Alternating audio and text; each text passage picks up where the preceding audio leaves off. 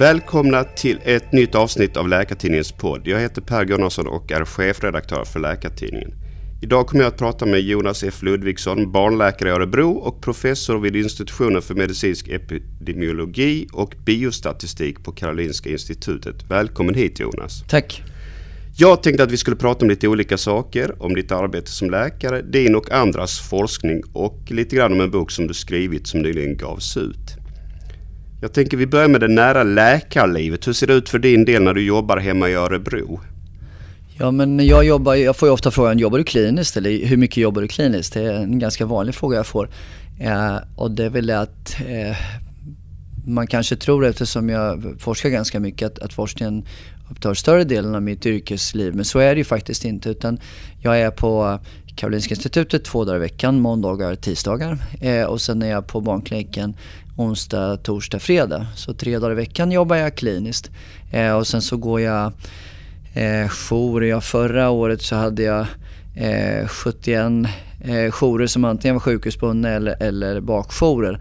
Men säg att jag är jour på sjukhuset eh, två gånger på tre veckor och sen har jag ytterligare någon bakjour under, under den perioden så kan man notera, ja, jag är, är jour de flesta veckor. Mm. Mm.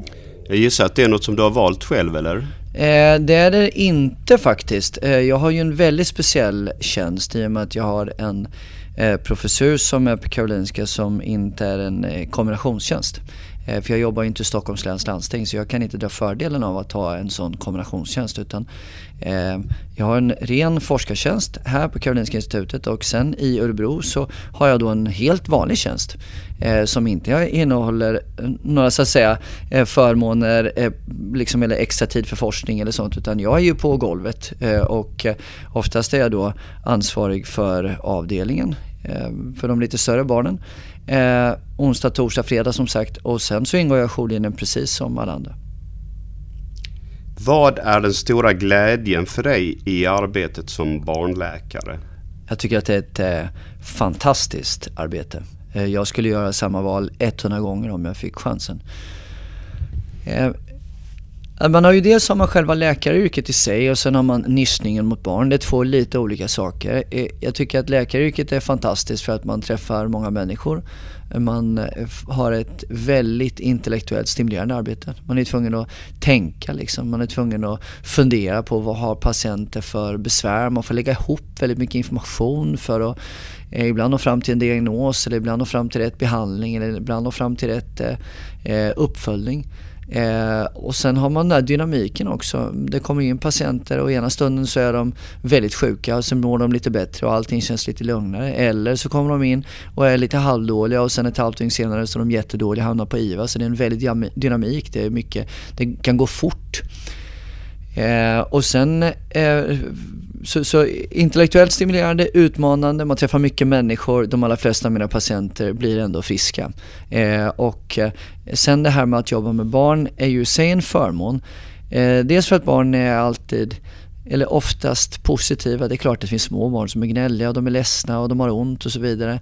Men, men de vill bli friska liksom. De har en väldigt stark drive. Eh, och de allra flesta barn blir friska. Eh, så det, det uppskattar jag. Sen uppskattar jag barn läkaryrket eller att jobba med barn. För att jag brukar säga att barnmedicin är som ett, när andra discipliner är som ett stuprör kanske, att man har ett organsystem och de flesta åldrar, åtminstone ner till 18, är ju barnmedicin som ett liggande stuprör. Där vi har eh, nästan alla organområden men en, en, begränsad ålder. Och det gör ju att området blir väldigt, väldigt brett. Så om jag tar en, en vanlig dag på avdelningen så kanske jag ja, men jag kanske inte rondar mer än eh, fem patienter på min sida och sen har jag tre återbesök och sen eftermiddagen så kanske jag har mottagning eller får hjälpa till med saker och ting. Men av de här fem patienterna jag, jag rondar då så är det ett barn som har obstruktiv bronkit på vinterhalvåret, ofta RS-virus eller så har det här barnet en lunginflammation. I nästa rum så ligger ett barn som har kommit in för feberkramp. Eh, eller som har kommit in för epilepsi, kramper av annat slag och som behöver utredas eller behöver göra LP eller någonting sånt. Eh, lite längre ner på på den sidan jag oftast går på så ligger det ett barn med eh, diabetes som kom in för två dagar sedan eh, och som nu har gått över på, eller som har subkutant insulin där man får fundera på hur mycket insulin ska barnet ha, vilken information behöver barnet och ska jag ringa efter dietist och har diabetessjuksköterskan kommit in och kuratorn varit inne och pratat med familjen.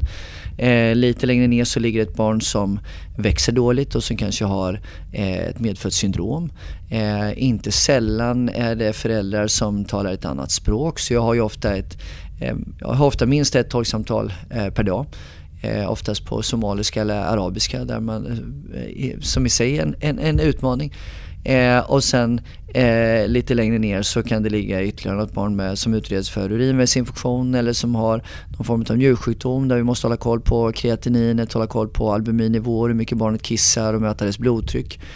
Eh, på andra sidan eh, avdelningen där jag går också ibland, där har jag ju först tre stycken barn ofta som ligger inne för olika typer av cancerbehandlingar. Så då kanske jag har ett barn, eller två barn med leukemi, något med lymfom eller något med admyosarkom och sen har jag något barn som har kommit tillbaka från Göteborg efter eh, hjärtkirurgi och sen har jag något barn som ligger inne för upprepade kramper. Så det är en, en, en oerhörd bredd varje dag eh, där man faktiskt först på morgonmötet eh, när man sitter med sina kollegor vet det här kommer min arbetsdag innehålla idag. Så det, det, det är snabba kast eh, men jag tycker ju väldigt mycket om det. Kan det samtidigt kännas svårt just den här bredden som du beskriver i arbetet? Ja, det kan absolut kännas svårt och där tror jag är lite grann en läggningsfråga hur väl man hanterar det. Eh, jag vet kollegor som jag tror har haft svårt att hantera den bredden och som har haft svårt att acceptera att man ju inte kan vara superexpert inom varje område. Eh, och då kanske man väljer att, att, att, flytta till ett ännu större sjukhus för att sen jobba på en avdelning där man eh, fokuserar på ett smalare område som pediatrisk nefrologi, pediatrisk gastroenterologi, pediatrisk neurologi eller pediatrisk hematologi och så vidare. Men de flesta barnkliniker i Sverige de är nog ganska lika den i Örebro att, att man har hela bredden. Eh, men visst är det eh, frustrerande att, att det är mycket man inte vet. Eh, samtidigt är det ju så att det märks väldigt tydligt att vi är ett team. Liksom. Eh, man hör ju varje dag av sig till ganska många kollegor. Eh, har jag ett barn som jag upplever haft många kramper och där eh, ändå känner att det kan vara dags att sätta in antiepileptika då diskuterar jag ju alltid med en kollega vilket tycker att vi ska sätta in. Ska vi pröva Absenor? Vilken dos ska vi, ska vi pröva med Absenor? Ska vi, vilken dos ska vi pröva med? Eh, och hur tycker jag ska följa upp den här? Och hur, vilka labbprover ska vi ta? Och sen när, när patienten har träffat epilepsisjuksköterskan ska vi ha ett återbesök. Eh, och sen så löser jag det praktiska när jag har fått den feedbacken från en kollega. Eller man diskuterar antibiotikaval med någon som är extra duktig på det. Eller man diskuterar ett blodtryck som verkar gå uppåt och vilken medicin man eventuellt ska sätta in för just det här barnet med någon som, som är extra duktig på eh, njursjukdomar hos barn. Eh, så man jobbar väldigt, väldigt mycket med kollegor, väldigt mycket i teamen då när man jobbar på avdelningen och det är också väldigt stimulerande. Det pratas ju mycket idag om att läkare har det kämpigt med allt ifrån tuff arbetsmiljö till osäkra anställningar. Hur ser du på detta generellt och hur tycker du att det fungerar på din egen arbetsplats? Jag tror att där där är ju kanske inte jag representativ för, jag kan ju, kan ju bara representera mig själv och inte hela läkarkåren. Eh, jag tror att när man har varit, eh, som jag, färdig specialist i ja, mer än 15 år, då är nog arbetsmarknaden egentligen ganska trygg. Då tror jag om man har varit på samma ställe länge och man funkar, då, då kan man nog känna sig väldigt trygg. Men är man nyare som läkare så är det ju så att eh, det har funnits, det, det, finns platser i Sverige där man faktiskt har fått, fått gå som läkare. Det känns väldigt, väldigt ovant och eh, lite konstigt. Eh, så där kan jag väl förstå en, en, eh, en viss oro och ängslan. Eh, men jag känner mig trygg i att, att marknaden för läkare och efterfrågan kommer att vara god eller fortsatt hög så att man kommer att få arbete. För vi behöver ju eh, människor som ersätter Eh, 40-talisterna som så småningom även ersätter 50-talisterna. Så att jag ser positivt på arbetsmarknaden på sikt och jag känner själv ingen, ingen oro. Eh, jag kan se att det finns kollegor som tycker att eh, eh yrket läkare och barn, barnläkare är slitigt. Eh, jag tror man... Förr var ju läkaryrket i ännu högre utsträckning ett kall. Eh, och eh, förr var det väl också många läkarfamiljer där man hade en person som drog in brödfödan. Eh, och inte två stycken som varvade jour eller som varvade arbete. Och då var det naturligtvis lättare att hantera obekväma arbetstider och, och många långa dagar. Men lite grann så tror jag man, man, man måste vara medveten om vad som kommer när man ska bli läkare. Man måste förstå att väljer man en specialisering som till exempel barnläkare, då kommer det bli oerhört mycket jour. Väljer man specialisering som kirurg, då kommer det bli väldigt mycket bunden tid på sjukhuset. För man kan inte operera hemma liksom. Man måste operera på operation. Eh, väljer man att bli eh, ta en annan specialitet å andra sidan som, som distriktsläkare. Då kanske man har en lägre, eller då har man oftast en lägre jourbörda men man har ju en annan eh, faktor som stressar och det är att man alltid är sista instans. Liksom. Eh, patienten har en tendens att komma tillbaka till en och patienter som, där det kanske inte finns någon väldigt tydlig diagnos och där det finns en multifaktoriell problematik där är man som distriktsläkare den som måste hantera problemet. Och eh, eh, primärvårdens dåliga bemanning, eh, bristande resurser tycker jag är ett av vårdens absolut största problem. Så där kan jag förstå om man är frustrerad som distriktsläkare. Eh, men jag tror unga människor som idag blir läkare måste vara medvetna om att det är ett yrke som eh, kräver mycket långa timmar och mycket oregelbunden arbetstid. För vi måste helt enkelt täcka upp vården 24 timmar om dygnet, sju dagar i veckan. Du, jag tänkte vi skulle gå vidare till din forskning. Vad är det som du i första hand riktar in dig på där? Ja, det kan man faktiskt fråga sig lite för att jag gör ju eh, väldigt många olika saker. Eh, jag skulle väl kunna säga att jag står på ett par olika ben. Eh, nu sista åren, eller de, de sista åren har jag jobbat väldigt intensivt med olika typer av mag-tarmsjukdomar och eh, min förlåt, min avhandling handlade ju egentligen om mag-tarmsjukdomar hos gravida och hur det påverkade det nyfödda barnet. Eh, och jag tycker att den skärningspunkten mellan eh, mag-tarmsjukdomar, kanske gravida, kanske barn. Det är ju de områdena som, som min forskning har kretsat kring ända sedan jag eh, disputerade för snart 20 år sedan. Eh, men jag har byggt upp en eh, väldigt stor studie, en kort studie som vi kallar för Espresso. där vi har data på 2,1 miljoner svenskar som har ett vävnadsprov ifrån eh, tarmen eller levern, bukspottkörteln eller gallblåsan. Och eh, sen kan vi då med hjälp av personnumret länka den, de data till andra register och studera till exempel risk för död, risk för cancer, risk för hjärt-kärlsjukdom men också riskfaktorer för olika mag-tarmsjukdomar. Så jag har ett ganska, jobbat med ganska många forskare från Sverige och eh, andra länder, kanske framförallt USA eh, där vi tittar just på orsaker till och komplikationer av mag-tarmsjukdomar. Eh, det är nog mitt huvudområde nu skulle jag säga. Eh, många människor vet att jag har varit aktiv inom eh, celiaki, glutenintolerans alltså, men jag har de sista åren eh, breddat mig och gjort ganska mycket inflammatorisk tarmsjukdom. Ehm, och jag tittar också mer och mer på mag-tarmcancer och och eh, andra inflammatoriska tillstånd i tarmen. Men också eh, har jag något väldigt spännande arbete på gång inom, inom leverområdet. Sen är det ju så att jag har jobbat med registerdata i, i ganska många år nu och även skrivit några av de ja, men tyngsta översiktsartiklarna om svenska register. Så jag är ju duktig på register och därför blir jag ofta inkopplad i nästan kanske en liten konsultroll kring hur eh, löser vi den här uppgiften på bästa sätt eller hur ska vi hantera de här data eller de här registren. Eh, så där kommer jag ju in och, och, och hjälper folk fast jag inte drar själv det tyngsta lasset inom en rad olika områden. Eh, där väljer jag väl själv om jag kan ofta frågor som rör barn eftersom barn är ju eh, mitt, mitt, alltså, min professionella roll, barnläkare, jag träffar barn. Så jag tror att jag har en ganska god känsla för vilka problem drabbas barn av och jag tycker också att forskning kring barn är väldigt relevant. Så sammanfattningsvis, mycket mag-tarmsjukdomar av, av, olika slag, inte bara celiaki och gluten. Eh, mycket barnproblematik eh, och sen lite gravida. Jag har också fått ett intryck av att du är väldigt flitig. Jag såg att du listats som en av Sveriges 20 mest produktiva citerade forskare inom medicin och livsvetenskap av tidningen Fokus. Är denna flit också din egen bild av dig själv? Ja, men jag är ju aktiv. Eh, min familj säger att jag nästan aldrig kan sitta stilla. Det stämmer faktiskt inte helt för jag kan eh, kolla på en amerikansk tv-serie då och då med familjen och jag kan läsa böcker.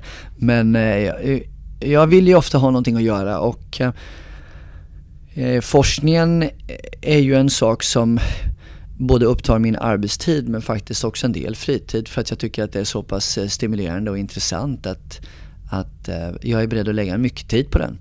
Eh, jag tycker att eh, en, en, en, en bra forskningsartikel, en väl genomtänkt och väl skriven forskningsartikel med bra eh, figurer och tabeller eh, måste jag faktiskt säga tycker jag är nästan som ett konstverk.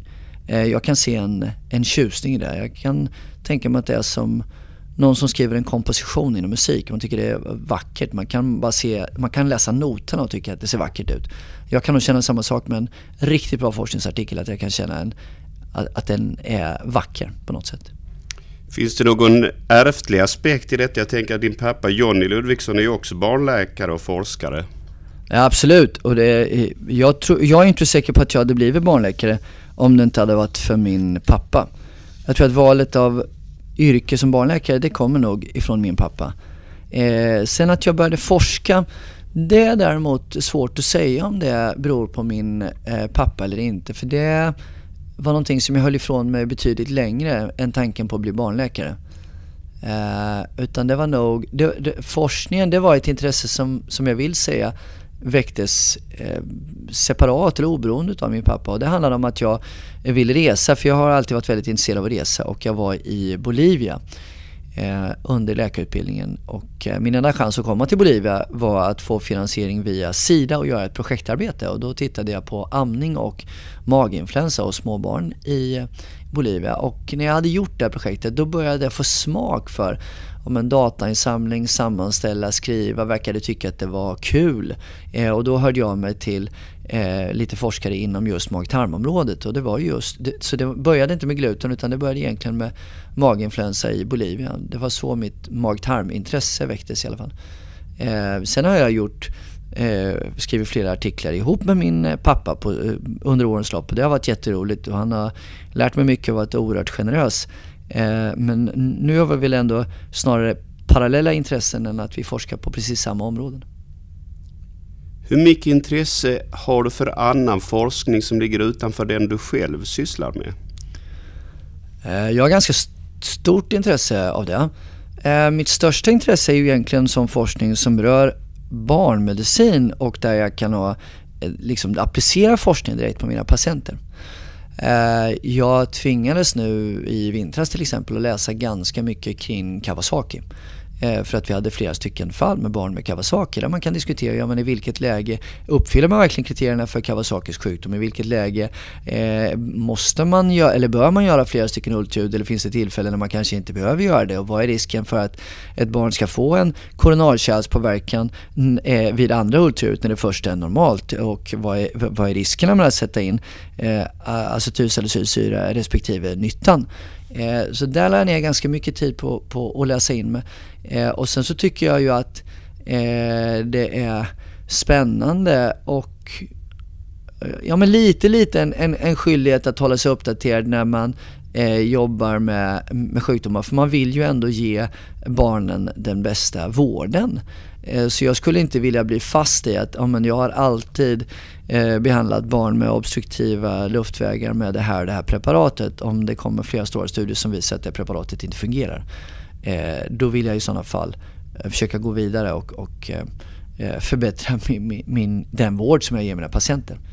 Eh, så därför är jag intresserad av, av annan forskning. Sen är jag intresserad av forskning lite ur ett samhällsperspektiv för att det förekommer ju väldigt mycket myter eh, som nu kring saker och ting. Eh, just nu förekommer mycket rykten kring till exempel det nya coronaviruset eh, och då blev jag ju tillfrågad eh, i min roll som barnläkare vid TV4 om jag kunde kommentera coronaviruset och då läste jag naturligtvis med väldigt stort intresse de senaste artiklarna om, om det nya coronaviruset i Kina för att veta vilka eh, symptom har man, hur många har leverpåverkan, hur stor andel går till njurdialys, hur många behöver respiratorvård, hur ser deras lungor ut, vilka antibiotika kan man tänka sig att testa om de får en bakteriell komplikation, hur snabbt ökar spridningen, hur många odiagnostiserade fall finns det.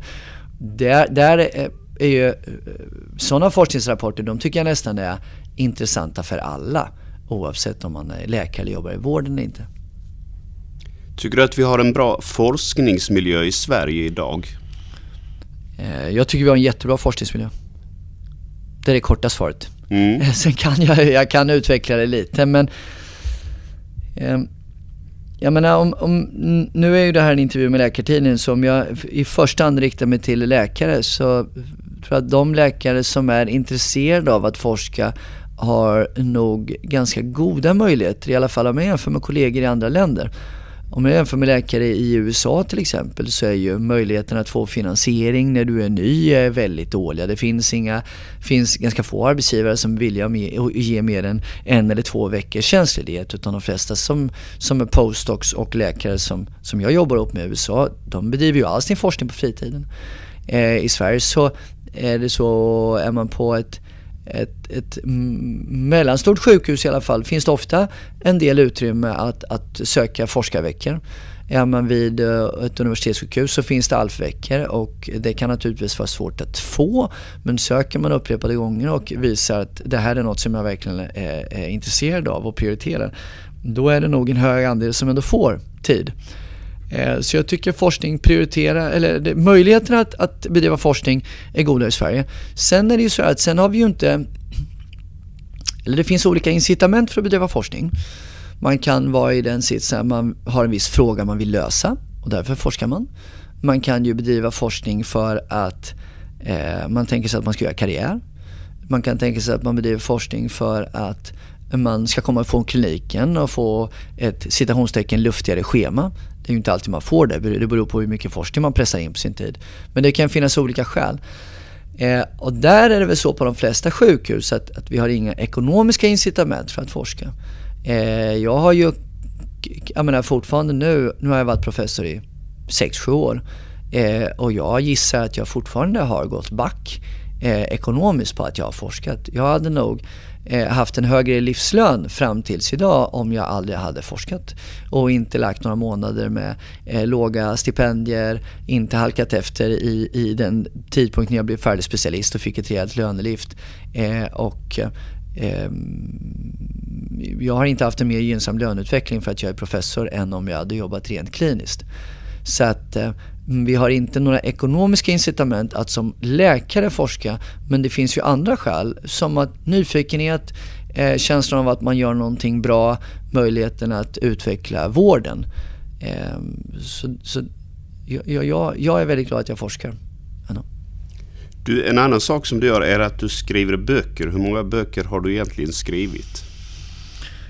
Ja, riktiga böcker som jag har skrivit själv är väl eh, tre då. Jag skrev ju min eh, första bok Att börja forska inom medicin. Eh, den, det var väl ganska länge, där kom ju första utgåvan ut 2002 tror jag och sen reviderade jag den 2015 tror jag. Eh, den är jag väldigt nöjd med, den har, har sålt, sålt bra. Sen blir man inte rik på böcker men det känns ändå tillfredsställande att någon, någon läser det man har skrivit. Sen skrev jag ju en bok om eh, eh, Doktorns guide till gluten för några år sedan. Och eh, sen som sagt nu då när Barnläkarens guide eh, som precis har kommit ut som riktar sig till allmänheten om, om barnsjukdomar och barns problem. Eh, utöver det så har jag ju varit med som och bidragit till ytterligare böcker och varit redaktör till exempel för boken i akutpediatrik. Um, sen kan jag väl nämna att den, den, roligaste bok jag skrivit, den är knappt en bok utan den är nästan mer som en tjock broschyr. Uh, men det var ju när jag skrev en bok på engelska om Harry Potters olika sjukdomar ihop med en amerikan. Det är väl kanske fortfarande en av de böcker jag gläds mest åt. Hur kom det sig att du gjorde det? Ja, det var så att vi, eh, barnen var väldigt förtjusta i Harry Potter och vi läste de här böckerna innan de skulle gå och lägga sig. Bok 1 till 8. Eh, och när jag hade läst, varit med och läst, jag turades ju om min fru, när vi hade läst de första åtta böckerna och barn nummer tre ville höra eh, bok nummer ett igen och jag såg framför mig att nu ska jag läsa åtta Harry Potter-böcker igen från start. Då kände jag att, ah, men nu, nu, nu måste jag nog hitta någon slags extra liksom. Eh, så då började jag göra små notiser varje gång som vi kom till en medicinsk åkomma eller det fanns något medicinskt relaterbart och det tog ju kanske två år till. Och sen för att det skulle bli bra så, så tog jag kontakt med en amerikan som jag visste hade gett ut andra böcker om Harry Potter som någon slags eh, eh kvalitetsgaranti. Och sen så gav vi då ut den här eh, Deaths and Diseases in the Life of Harry Potter som finns på Amazon. Köper man den, jag tror att den kostar ungefär 9 kronor, så tjänar vi författare en krona som vi sen splittar. Mm. Så det är som du säger, man blir oftast inte rik på böcker. Nej, böcker blir man inte rik på. En har du skrivit den här Barnläkarens guide som alltså riktar sig till allmänheten. Hur kommer det sig att du vill ge ut en bok riktad mot allmänheten? Ja, men jag tror att det är en väldigt viktig uppgift vi har inom vården. Vi, vi har ju flera uppgifter. Vi ska diagnostisera sjukdomar, vi ska behandla dem, vi ska följa upp patienten, eh, vi ska förebygga sjukdomar. Men en väldigt viktig eh, uppgift är nog att förklara och att informera allmänheten om sjukdomar. Jag tror bara genom att förklara saker och ting så tror jag att man når bättre resultat. Patienten förstår vad det är vi gör och varför vi gör saker och ting. Man kan också undvika oro. Eh, man kan ge människor en mer realistisk bild av vad de kan vänta sig av en sjukdom eller av en inläggning. Eh, och det var väl ett antal år sedan sannolikt ja, nu kanske till och med sex år sedan som eh, jag efter en rond fick höra av en sköterska att, eh, att jag var ganska duktig på att förklara eh, tillstånd och att föräldrar hade hört av sig och sagt att de var väldigt nöjda med förklaringen och tyckte att det var först då de hade förstått eh, ett visst, eh, en viss sjukdom. Eh, och då tänkte jag att ja men okej, det där kanske, där kanske ändå finns en nisch. Det där kanske är någonting som jag gör bra. Så jag började skriva eh, ett liksom, patient och anhörig anpassat kapitel kanske var tredje vecka ungefär. Eh, det vill säga inte hela tiden för jag, man har ju sitt jobb, man har sin, ja, både kliniken och forskningen och jag tränar ju ett ungdomsfotbollslag på fritiden, så tar mycket tid. Men då och då så hittar man en lucka och så skriver man lite och sen går det tre veckor, då skriver man lite till och så går det tre veckor, skriver man lite till. Och när jag hade gjort det i ungefär fyra år Eh, då kände jag att ja, men nu har jag nog täckt in de viktigaste områdena och det här skulle faktiskt kunna bli en bok. Och då nappade förlaget Volante på att ge ut den här boken. Och det var samma förlag som var involverat i min bok Doktorns guide till gluten. Så vi, hade, vi hade jobbat väldigt bra tillsammans. Eh, så då började processen med att göra, göra det här till en bok. När jag förberedde den här intervjun blev jag påminn om att du även ägnat dig åt att vara en flitig debattör. Varför är det viktigt för dig? Ja men det är en av de sakerna som är eh, väldigt viktiga för mig.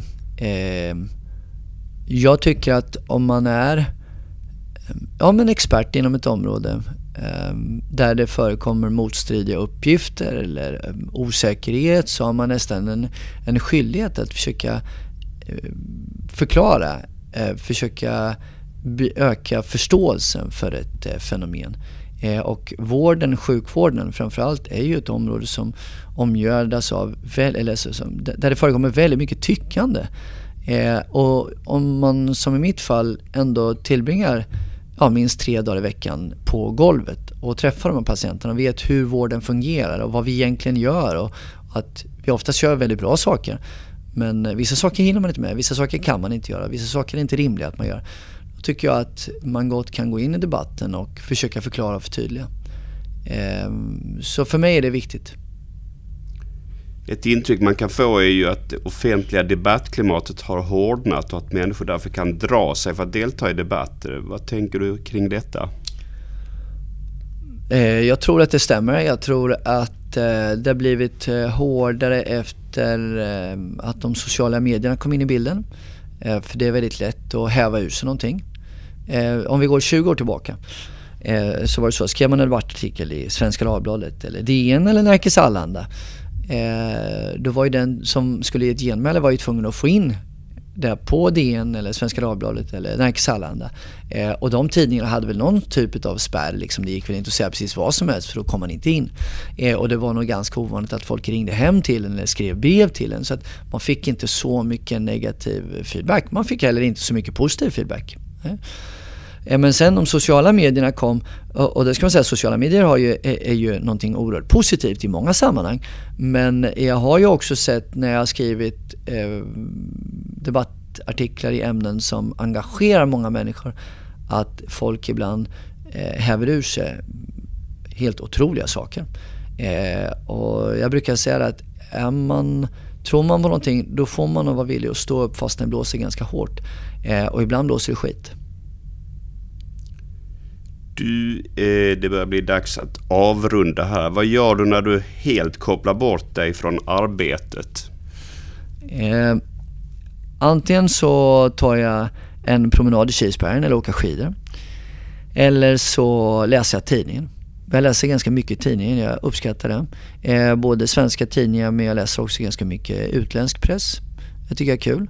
Eh, jag eh, tränar i mitt fotbollslag det tar väldigt mycket tid. Just nu så tränar jag, eller jag har varit fotbollstränare i ja, ungefär 16 år eh, och just nu tränar jag tillsammans med eh, två kompisar, ett lag pojkar födda 2003-2004. Eh, och vi har oftast eh, tre träningar i veckan.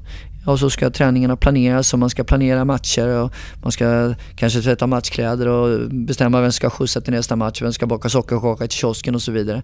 Så det tar tid. Och får jag sen en stund över, då brukar jag ofta tänka att hade jag lite mer tid så skulle jag nog spela lite mer gitarr tror jag. Eh, så jag går väl alltid omkring och tänker att ja, men det ska bli lite mer gitarr framöver. Det låter som att du lyckas vårda din privata tillvaro trots alla uppdrag i jobbet. Ja, jag hoppas det. Eh, det går väl ändå ganska bra även om jag måste erkänna att, att det, det är svårt att inte kolla eh, e-mailen lite då och då även om man är hemma. Det känner nog många igen sig i. Då är det dags att sluta för idag. Jag vill tacka dig för att du ville vara med. Om ett tag kommer nästa avsnitt av denna podd. Ni som har lyssnat är välkomna att lyssna även då. Hej så länge!